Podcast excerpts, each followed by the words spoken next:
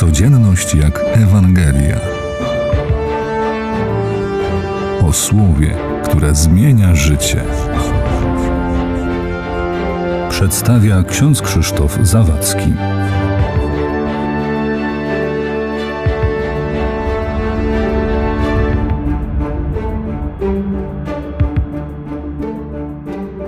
Proście, a otrzymacie, aby radość wasza była pełna.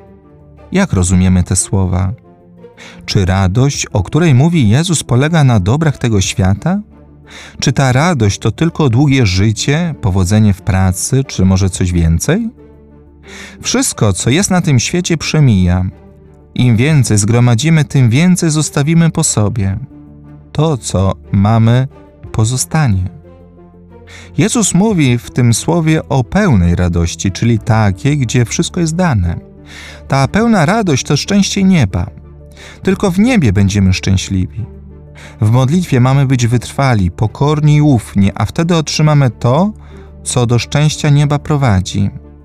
Często w modlitwie prosimy Jezusa o łaski i dary potrzebne do życia ziemskiego.